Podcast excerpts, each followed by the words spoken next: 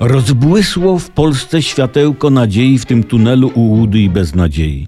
Spotkali się Szymon Hołownia z Polska 2050 z Władysławem Kosiniakiem-Kamyszem z PSL i z wielką pompą oznajmili na wspólnej konferencji prasowej, że się spotkali.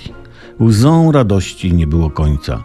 Wszyscy jednak spodziewali się, że stworzą koalicję coś w stylu PSL 2050 czy Polska Ludowa, ale nie.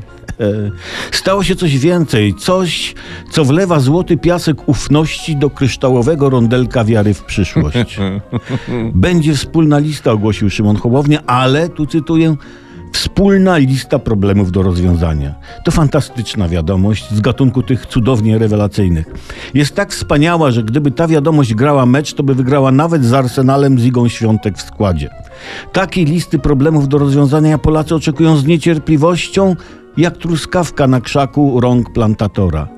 Jak już będzie, to będziemy radośnie mówić jeden do drugiego, poklepując się wysokimi piątkami po plecach, głaszcząc wzajemnie swoje twarze, szarpiąc filuternie za uszka, tuś mi, tuś, tuś, tuś. Hej, mamy listę problemów do rozwiązania, rozumiecie? Wow, chyba będę płakał.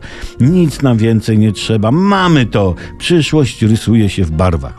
Ale patrzcie, co za sprytny ruch ta lista problemów do rozwiązania, porównywalny tylko ze zbiciem króla w szachach z okrzykiem Macao.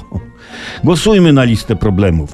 Ale jest prostszy sposób na wygranie wyborów niż lista problemów do rozwiązania. Niech oni obiecają na przykład, że przywrócą Roxa.pl i nawet niezdecydowani oddadzą głos.